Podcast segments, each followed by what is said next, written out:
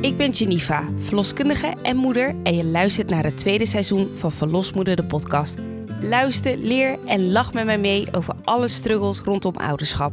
Vergeet niet een review achter te laten op Spotify en Apple Podcast. En kijk je mee via YouTube? Dan kletsen we lekker verder in de comments. Hoi iedereen, welkom terug bij een nieuwe aflevering van Verlosmoeder de podcast. Vandaag heb ik weer een expert in huis, Babette Bijs, dokter, wetenschapper, ondertussen een heel online platform opgericht, uh, Science for All, waarin je veel wetenschappelijke onderzoeken toelicht, maar ook interessante boodschappen geeft, alles rondom zwangerschap, maar ook gezondheid en wetenschap. Welkom. Ja, nou, hartstikke leuk uh, dat ik hier uh, mocht komen zitten bij jou. Gezellig. Jij bent een expert op het gebied van zwangerschap en depressie. Je bent daarop gepromoveerd op het stukje van een alternatieve methode daarvoor, namelijk het gebruik van lichttherapie. Ja. Ik heb het gelezen en ik vond het super interessant. Want de manier waarop wij connecten ging eigenlijk op het stukje winterdepressie en lichttherapie. Mm -hmm. En ik kwam er pas later achter dat jij een heleboel weet over zwangerschapsproblemen richting psychiatrie. En dat jij dus daar, of dat jij daarop bent gepromoveerd. Ja, ja inderdaad. Ja. Kan je daar meer over vertellen? We deden dus onderzoek naar uh, de effecten van lichttherapie bij, de, bij depressie tijdens de zwangerschap. Ja. Want um, nou ja, de, de, richtlijnen voor het behandelen van een depressie, zeg maar in de nou, tussen haakjes normale populatie, ja. Uh, dat is antidepressiva of uh, psychotherapie. Dus dat is dat je praat met een, een psycholoog bijvoorbeeld. Ja.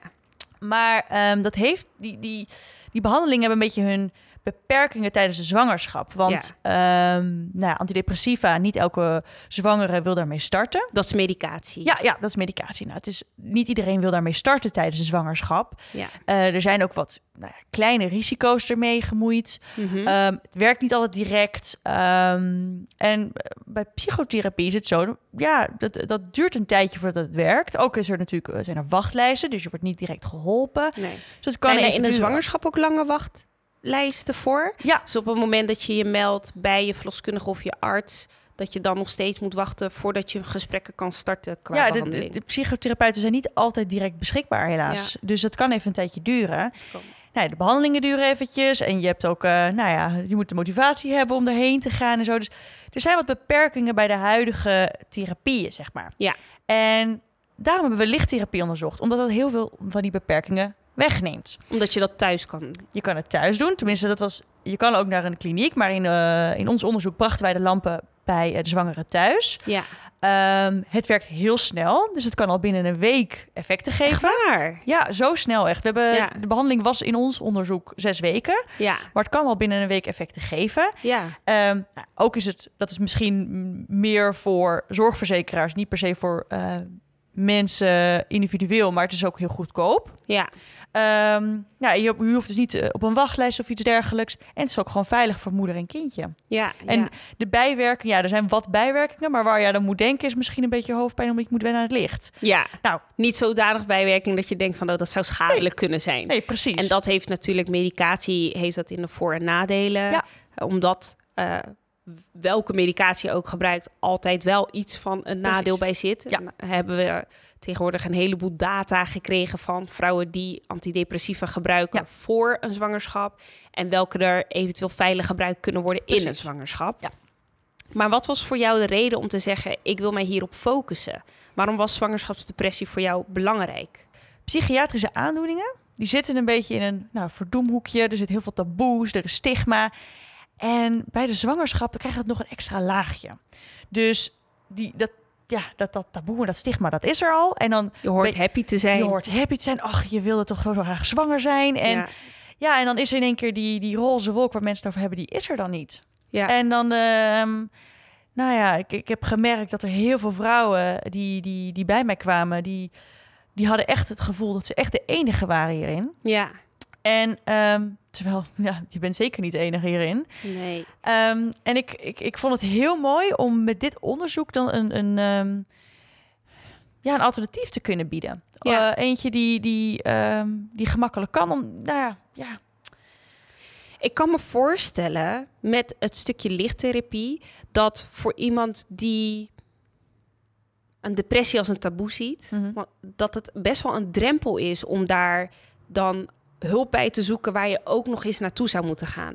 Zeker ook als je bijvoorbeeld al een ander kind hebt. Ja, Of als je, ehm, als je familie daar niet helemaal mee bekend is. Nee. Dat dan het aanbieden van een therapie of een behandeling die je thuis kan inzetten. Dat dat Ja. de drempel misschien al zou verlagen. En het feit dat het dus goedkopere zorg zou zijn.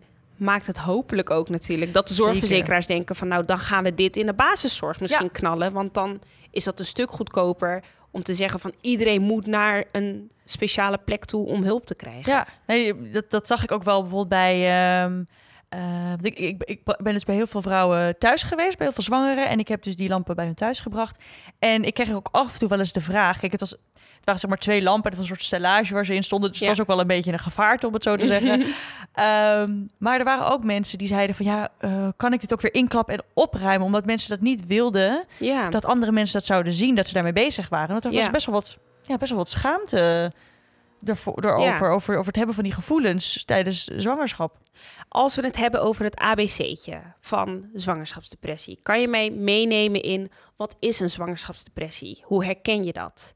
Ja, ehm, nou, meer mensen die zijn bekend met een postpartum depressie. Of veel mensen kennen het ook als een postnatale depressie. Ja. Eh, en dat is een depressie na de zwangerschap. En mensen zijn daar wel ja, een beetje bekend mee. Maar tij- tijdens de zwangerschap heeft dat net wat minder eh, bekendheid. Ehm, het komt vaak voor, ongeveer 12 procent. Dus dat is 1 op de 8 vrouwen. Dat is best veel, ja. Dat is heel veel. En mensen realiseren niet dat dat, dat, het zo vaak voorkomt. Als in de kans is klein dat je het krijgt ten opzichte van het geheel, maar het is een aanzienlijke groep die er dus wel last van Ja. heeft. Zeker, ja. En eh, ja, hoe herken je het? Het is, ehm, dat is ook een hele lastige in de zin van... ehm, wat, wat, wat ik heb meegemaakt tijdens mijn onderzoek is dat... ehm, ik, ik deed eerst onderzoek tot 18 weken zwangerschap. Dan konden vrouwen konden meedoen tot 18 weken. Ja, Maar dat ging niet zo vlot, omdat mensen toen zeg maar die klachten verwarden met ja, de, wat je ik de ben ziek. ja, de klachten Ja. die je hebt in je vroege zwangerschap. Ja. Eh, dus later hebben we ook dat soort van nou ja, opgerekt dat je tijdens de hele zwangerschap mee kon doen. Ehm, dus het kan nog wel een beetje moeilijk. Te, het, is, het kan verward eh, zijn met gewoon de klachten die je hebt tijdens de zwangerschap. Want je hebt bijvoorbeeld, nou ja, ehm, misschien problemen met eten. Je hebt problemen met slapen. Je hebt problemen misschien eh, eh, wat, wat, wat minder zin in seks. Of ehm, je misschien wil je wat alleen. Nou, ja, Somber voelen. er zijn gewoon wat klachten die best wel kunnen overlappen met zwangerschapssymptomen. Wat, Ja. wat wel heel duidelijk is, ehm, wat wel een beetje het verschil maakt, zeg maar, is dat je echt sommige klachten hebt die eigenlijk vrijwel elke dag zijn. Ja. Of ehm, vrijwel gedurende de hele dag. Mhm. Ehm, die dus best wel veel ehm, eh, je veel bezighouden, die veel aanwezig zijn. En daarnaast ook dat je niet meer kan genieten van dingen. Ja. Dus dat je bijvoorbeeld ja, niet meer uitkijkt naar dingen of dingen die je vroeger leuk vond. Ja, vroeger voor je zwangerschap. Die je eerst leuk vond eh, en nu niet meer. Of dingen dat je, nou ja, dat je als je eh, al een kindje hebt, dat je daar minder van geniet of iets. Dat zijn wel twee hele duidelijke signalen dat er wat meer speelt ja, dan alleen je, hormonaal zijn. je hormonale klachten die je kan hebben. Er Ja. zijn vaak vrouwen die zeggen, of eh, waar ik berichten over krijg, die aangeven van ja, ik krijg zulke rare dromen. Ik heb eh, dat ik dan opeens afdwaal met mijn gedachten en dat daar, ja, ik wil niet zeggen gekke dingen, maar dingen Mhm. waarvan je denkt dat gaat waarschijnlijk niet gebeuren, dat dat voor je komt. Ik had namelijk zelf heel vaak in de nacht dat ik dan droomde dat ik mijn kind vergat continu. En het, dat herhaalde zich echt heel erg vaak. Dat ik op een gegeven moment begon af te, te vragen van... jeetje, betekent dit iets? Ja, Zijn dat ook dingen die je terughoorde in je onderzoeken... of dingen waarvan je denkt van... ja, dat past meer bij gewoon een zwangerschapskwaaltje... dan iets dat het ergens anders bij zou passen? Ehm, ja, met die dromen, dat is tenminste... eh, Nou goed, ik ben nooit zwanger geweest, maar mensen om mij heen... waar weet ik wel inderdaad dat, dat je bijvoorbeeld heel levendige dromen kan krijgen. Ja. Ik weet niet zozeer of dat heel... Dat past niet zozeer per se heel erg bij, ehm, ehm, bij een depressie. Nee. Dan klein zijstapje, als je hele erge nachtmerries hebt over bepaalde zaken die bijvoorbeeld vroeger zijn gebeurd, dan zou dat kunnen misschien hè, eh, kunnen duiden bijvoorbeeld op een PTSS, posttraumatische stressstoornis, maar dan Precies. gaan we alweer naar een heel ander iets toe. Ja, Ehm dan zijn het eh, flashbacks meer. flashbacks maar kunnen ook nog in nachtmerries zijn. Oké. Maar wat wel nog een, eh, wat wel iets is wat, ehm, eh, wat erbij kan spelen. En dat is iets wat niet helemaal per se eh, gelinkt aan depressie, maar wat ik misschien wel even wil noemen. Dat is dat zwangere eh, of mensen die net bevallen zijn, dat ze bepaalde gedachten kunnen hebben Mhm. die niet prettig zijn. En dat zijn bijvoorbeeld gedachten als: ehm, wat nou als ik mijn baby uit het raam gooi? Of Ja. wat nou als ik hem gewoon even onder water hou? Of en dat zijn wel eens gedachten die ook wel eens terug kunnen keren, maar dat zijn wel wat heftigere gedachten die je eigenlijk niet wil. Je wilt het helemaal niet. Nee. Ehm, En het is niet een gedachte iets wat je is overkomen, maar een gedachte dat jij dat zou kunnen doen. Ja, ja, precies. Ja. En dat zijn, eh, dat noemen we, eh, ja, dat zijn wat obsessieve gedachten. Maar goed, Mhm. dat is alweer iets anders. Ja. Maar dat zie je ook wel eh, af en toe bij mensen die te maken hebben gehad met een depressie of te maken hebben met een depressie. Ja, Ja. En stel nou in de zwangerschap, ik heb, ik merk dat ik gewoon somber ben, dat ik gewoon eigenlijk niet meer door mijn dag heen kom en dat ik inderdaad ook niet meer blij word van de dingen waar ik normaal gesproken blij van word. Ja. Dan, dan heb ik dat gesprek misschien met mijn verloskundige Mhm. of ik heb het waarschijnlijk met de mensen om me heen of met je partner of vrienden. Wat dan? Waar kan je dan terecht? ja, nou dat is eigenlijk al wat je nu zegt heel goed. De eerste stap, dat je er open over bent naar de mensen om je heen. En dan zou ik ook denken, nou ja, heb, eh, betrek vooral je partner erbij of inderdaad mensen die, die je vertrouwt. Heb het erover, want ehm, juist dat je, als je het er niet over hebt, kan het een heel eenzaam gevoel geven en ook misschien je klachten wel erger maken. Ja, Maar dat is de eerste stap om het over te hebben. En dan kan je dat, ehm, is het heel goed om het met je verloskundige erover te hebben. ja, Eh, je kan het ook met je huisarts erover hebben. En ehm, nou ja, dan is er een beetje van. ehm, eh, eigenlijk is het heel goed om dan ook wel voor, eh, voor behandeling te gaan. Omdat dat heel goed is natuurlijk voor jou als zwangere. ja. Maar is ook beter voor je kindje. Want je kindje profiteert er soort van mee dat je. ehm, ja, dat, dat jij je goed voelt. dat, dat jij je goed voelt natuurlijk. Ja. Nou, En wat dan ehm, wat kan is dat je met je huisarts overlegt. Eh, je kan ook worden doorverwezen naar een zogeheten poppolie. Dus dat Ja. staat voor psychiatrie, obstetrie en pediatrie. Dus dat is een met een moeilijk woord een multidisciplinair team. Er zitten verschillende eh, artsen en ook wel eens verloskundigen die daarbij aanschuiven. En dat is een team uit, bestaande uit een psychiater, kinderarts, eh, gynaecoloog en soms ook een eh, eh, verloskundige. En die, nou ja, daar, daar bespreek jij je klachten mee. Ja. Eh, Bespreek je dan ook met het hele team of heb je dan één persoon? Weet je dat? volgens mij zit je gewoon direct in het team. Dus dat je met eh, Ja. alle mensen, dat je alle invalshoeken, eh, dat, dat, dat die met je meedenken. Ja, precies. Nou, en dan kan je gaan bespreken van, goh, ehm, wat speelt er voor jou? Wat zou jij willen? Ja. Ehm, het is niet zo dat so- soms is nog wel eens een beetje de angst van mensen. Ja, als ik naar de huisarts ga, moet ik meteen aan de medicatie. Dat is niet Ja. wat het is. Ehm, medicatie kan een optie zijn, maar misschien dat ze zeggen van, nou ja, probeer. ehm, eh, het hangt ook heel erg af natuurlijk van hoe ernstig je klachten zijn. Het hangt Ja. af van je voorgeschiedenis. Ja, of dat je misschien al medicatie hebt gebruikt in het verleden. Precies. En of heb je misschien ooit eh, psychotherapie al gehad? En hoe werkte dat voor jou? Mhm. Ehm, het kan ook een optie zijn dat ze zeggen van nou, als bijvoorbeeld stel je het hele milde klachten, nou ja, kijk eens ehm, wat er gebeurt als je wat, wat meer rust neemt, of dat je wat meer aan beweging doet, of eh, ehm, mindfulness of yoga. Weet je, ze kunnen Ja. ze, het hoeft niet meteen het, gro- het, hè, haakjes, het grove geschut te zijn. Ja. Dus ze kunnen ook misschien kijken van nou, wat is iets wat bij jou past, wat werkt. En zo gaan ze eigenlijk gewoon een hele ja, afgewogen beslissing maken. Ja. Wat voor jou het beste werkt en waar jij ook het, het prettigst bij voelt. Ja, wat ik ook begreep is dat ze werken aan een eh, signaleringsplan. Ja. Om te kijken van, nou stel nou dat je in je zwangerschap natuurlijk al te maken hebt met depressieve klachten. Ja. Dat je daar dan inspeelt voor de periode na de bevalling. Zeker. Is dat ook bijvoorbeeld voor mensen, eh, want we hebben het nu over mensen die een depressie hebben tijdens zwangerschap. Mhm. Je kunt ook bijvoorbeeld bij de poppolie terecht. Stel dat je een verhoogd risico hebt op een postpartum psychose, omdat er bijvoorbeeld, ik noem wat, je zus heeft een postpartum psychose gehad, of je hebt iemand in de familie die heeft een bipolaire stoornis, of ik noem maar, als jij op wat voor manier dan ook zorgen maakt Ja, en je hebt je nog preventief daar al mee aan de Precies, slag dat kan. En ook nog voordat je zwanger bent. Dat kan ook al. Als je een kinderwens hebt en je maakt je misschien zorgen over dingen, dan kan je daarheen. Ja. Ehm, en dan kan je al advies inwinnen. Ja. Nou, en zo'n signaleringsplan is bijvoorbeeld, als ik even voorga op het voorbeeld van stel je, je maakt je zorgen of je misschien eh, een postpa- postpartum psychose kan krijgen.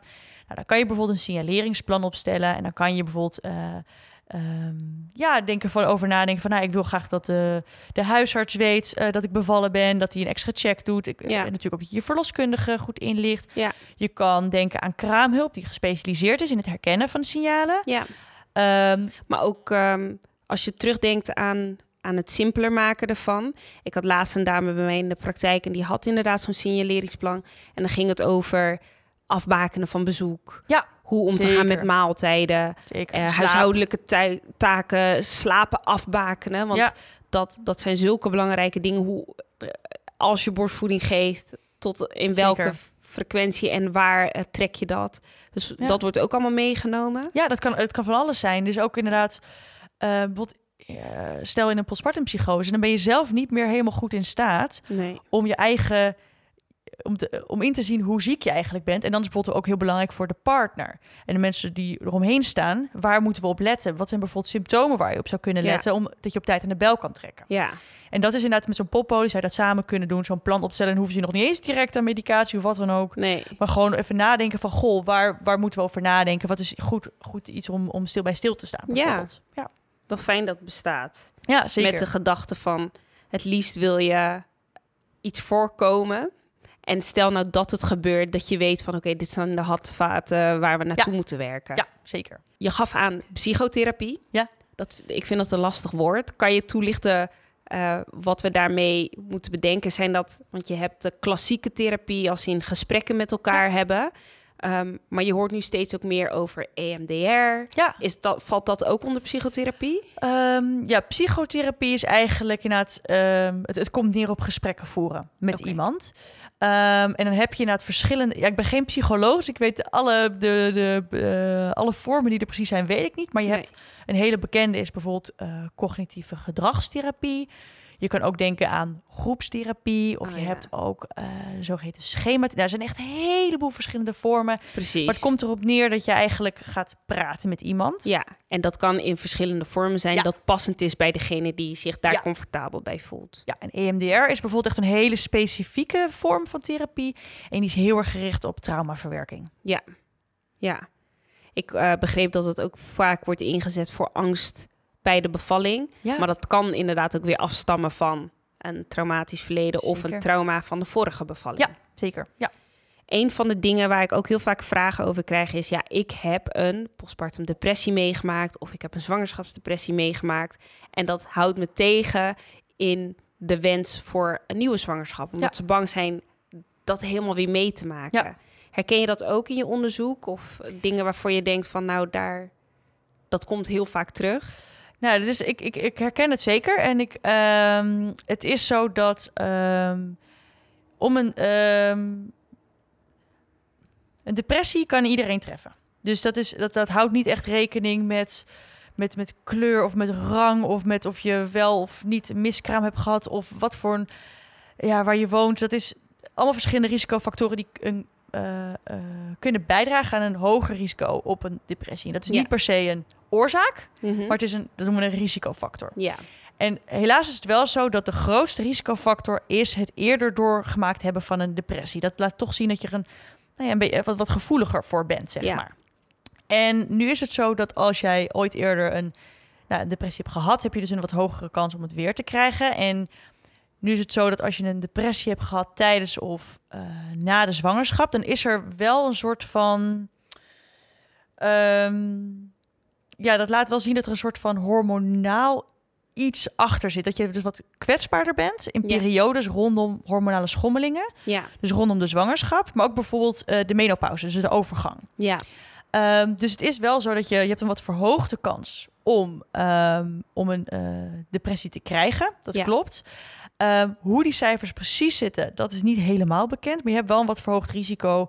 Ehm, het is ook wel zo dat er een kleine groep eh, mensen is die, als ze eenmaal die depressie hebben gehad tijdens de zwangerschap, dat het wat meer eh, chronische ziekte, zeg maar, dat je wat dat het niet alleen maar meer eh, blijft bij die periodes rondom de zwangerschap, maar dat je wat meer ja, voor een langere periode last van hebt. Maar hoe Ja. die cijfers precies zitten, dat weten we niet. Maar Nee. je kan dus wel, als je ermee te maken hebt gehad, dus wat we eerder over hadden, die poppolie, dan kan je erover praten en dan kan je wel eh, ja, een soort nou, niet in plaats van een signaleringsplan, misschien meer preventief gaan kijken. Oké, wat voor mogelijkheden zouden er kunnen zijn Precies. om. eh, Dat is ook een van de redenen waarom wij als verloskundige bij een intake of een eh, gynaecoloog bij de intake altijd vragen van hey, speelt er iets op psychisch gebied bij jou in het verleden? Heb je een Ja. angststoornis gehad of eh, de bipolaire stoornis of eh, zijn er traumatische dingen waarvan je in het verleden gesprekken hebt gehad? Omdat we dan inderdaad weten van oké, speelt hier een risicofactor Ja. mee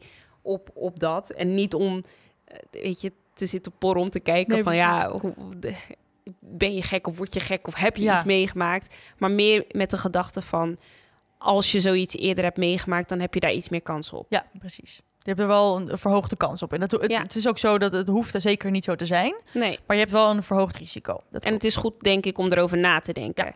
Ik kom vanuit een verleden waarin ik niet met mijn moeder ben opgegroeid. En voor mij was ook echt een angst de postpartum periode. Mm. Ik dacht, ja, die zwangerschap, daar heb ik de issues niet mee. Maar ik was daar inderdaad bang voor met de binding met mijn kind. En Ja. hoe ik daar verder mee om zou gaan. En daarin ook een plan opgesteld in, met mijn geboorteplan om te kijken van oké, hoe wil ik dat stukje gaan bewaken? En Ja. ik wilde dat de mensen om mij heen daarop alert waren, dat ik dat ook heel erg spannend vond. Ja, ja snap ik. Als we terugfietsen naar jouw onderzoek, Ja. kan je vertellen hoe en wat lichttherapie doet voor iemand en wat er uit jouw onderzoek da- daadwerkelijk is gekomen? Ik zou het een beetje simpel houden. Je kan natuurlijk het heel technisch maken. Maar Zo simpel mogelijk. Zo simpel mogelijk. Licht komt binnen via je ogen. Dus Ja. het, het is niet via je huid. Tenminste, het werkt ook via je huid. En dat is heel belangrijk bijvoorbeeld in het aanmaken van vitamine D. Ja. Maar de lichttherapie waar ik het over heb, is dat het dus via je ogen gaat. En dan komt het in een, ehm, bij een bepaald gebied in de hersenen. Dat, ehm, nou, onthoud het maar gewoon als de biologische klok. Ja. En vanuit daaruit gaan er verschillende signaaltjes door je lichaam heen. ehm eh, beïnvloedt bijvoorbeeld het hormoon cortisol, wat we een beetje kennen als het stresshormoon. Beïnvloedt het hormoon eh, melatonine, wat belangrijk is bij slaap. Ja. En eh, lichttherapie, die, wat het eigenlijk een beetje doet, is het drukt een beetje een soort resetknopje in. Je kan allemaal klachten hebben. Het wordt heel vaak gebruikt bijvoorbeeld bij mensen die eh, een winterdepressie hebben. Ehm, Guilty. en wat het doet is dus, het drukt een beetje een resetknopje in. Ja. En het herstelt weer die systemen die een beetje, nou ja, om het even te zeggen, een beetje door, door de war zijn, zeg maar. Ja. En zo helpt lichttherapie bij het herstellen van eh, het systeem rondom cortisol, rondom melatonine. En daardoor ehm, ja, eh, helpt het heel erg tegen die klachten van een winterdepressie. Nou, Ja. en toen was het idee, zo is het ooit begonnen, winterdepressie. En ehm, nou ja, andere onderzoekers in het verleden dachten... goh, het werkt wel heel goed tegen deze depressie... die heel erg eh, gebonden is aan het seizoen. Zou het ook bij een normale, tussen haakjes... eh, Andere depressies kunnen andere werken. depressie kunnen werken. Nou, Ja. en dat liet zien dat het ook heel goed werkt. Dus niet zozeer... Dus als jij een ehm, depressie hebt die alleen maar rondom de winter of de herfst is... maar gewoon eigenlijk het hele jaar door. En toen ehm, ja, was er het idee om te kijken... goh, werkt dit bij zwangeren? En er waren een paar kleine onderzoeken geweest ehm, in het verleden... En die lieten hele positieve resultaten zien, maar dat waren maar kleine onderzoeken. Mhm. De mensen werden heel kort gevolgd, er werd niet gekeken naar het kindje. En toen hebben wij dat onderzoek eigenlijk ook gedaan, maar dan met meer mensen. Ja. eh, voor een langere duur opgevolgd, dus helemaal tot het, eh, tot het kindje 18 maanden was. Eh, helemaal Oh. gekeken van Ja. hoe lang gaat het, ja, hoe gaat het met deze mensen voor deze periode. Ja. Ook metingen gaan bij het kindje. Ehm, en, Wat kwam daaruit? nou, wat kwam daaruit? We zijn, ehm, waren in eerste instantie vooral geïnteresseerd in wat doet het met de depressieve klachten. Dat was onze hoofdvraag, zeg maar. Ehm, zo werkt het in, in de wetenschap. Je moet een soort dus, eh, primair doel, hè, het hoofddoel, en dan heb je ook nog een heleboel subdoelen subvragen, zeg maar. Ja. En wij wilden graag weten hoe werkt het bij de depressieve klachten. En ehm, nou, wat kwam eruit? Ehm in ons onderzoek werkte lichttherapie ontzettend goed tegen depressieve klachten. Ja. Maar, moet ik meteen erbij zeggen, de placebo-lamp deed het ook heel goed. Ze hadden twee groepen vrouwen.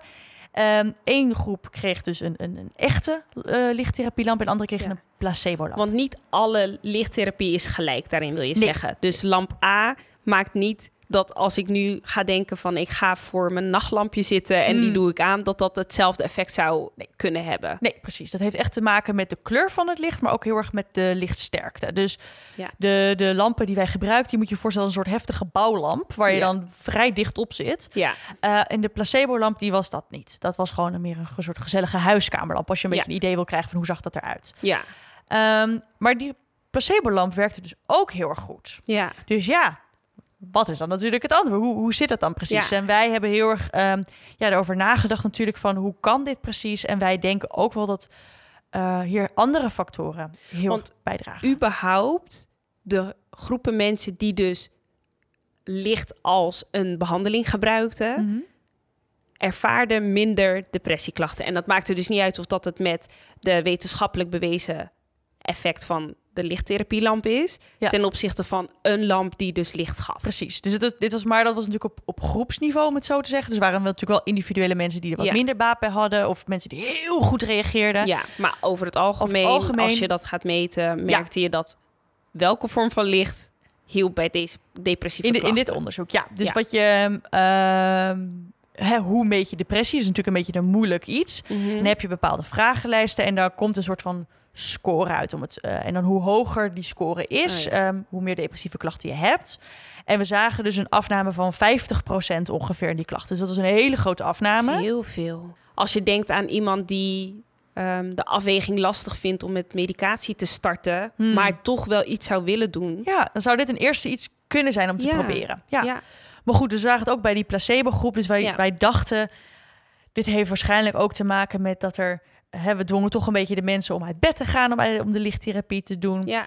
Ehm, dus hebben we, ze kwamen meer in een ritme, ze gingen hun bed uit en ze hadden natuurlijk heel veel contact met ons, konden er veel over hebben. ja. Ze hadden aandacht van ons, ze voelden zich minder alleen en dat zou ook heel goed bijgedragen kunnen hebben aan de, aan de, aan de verbetering van de Ja. klachten. Ja.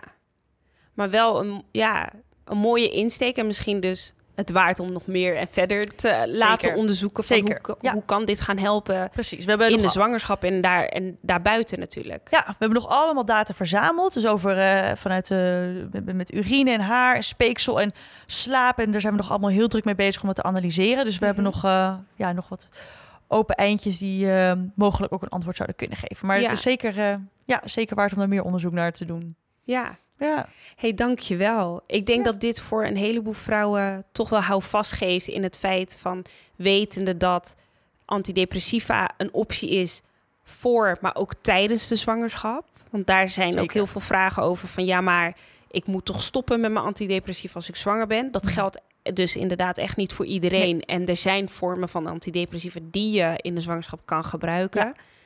Dat er eh, andere vormen zijn van gesprekstherapieën. Mhm. Daar, zijn we, daar, daar weten we nu wat meer over. ja. Maar ook dus wat je aangeeft met lichttherapie. Ik denk dat dat Zeker. echt wel eh, een baken van hoop is voor Ja. heel veel vrouwen. zeker. Ja, denk ik ook.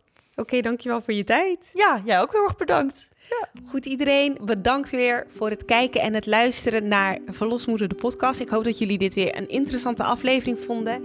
En dan zie ik jullie volgende keer weer met een nieuwe aflevering. Ciao!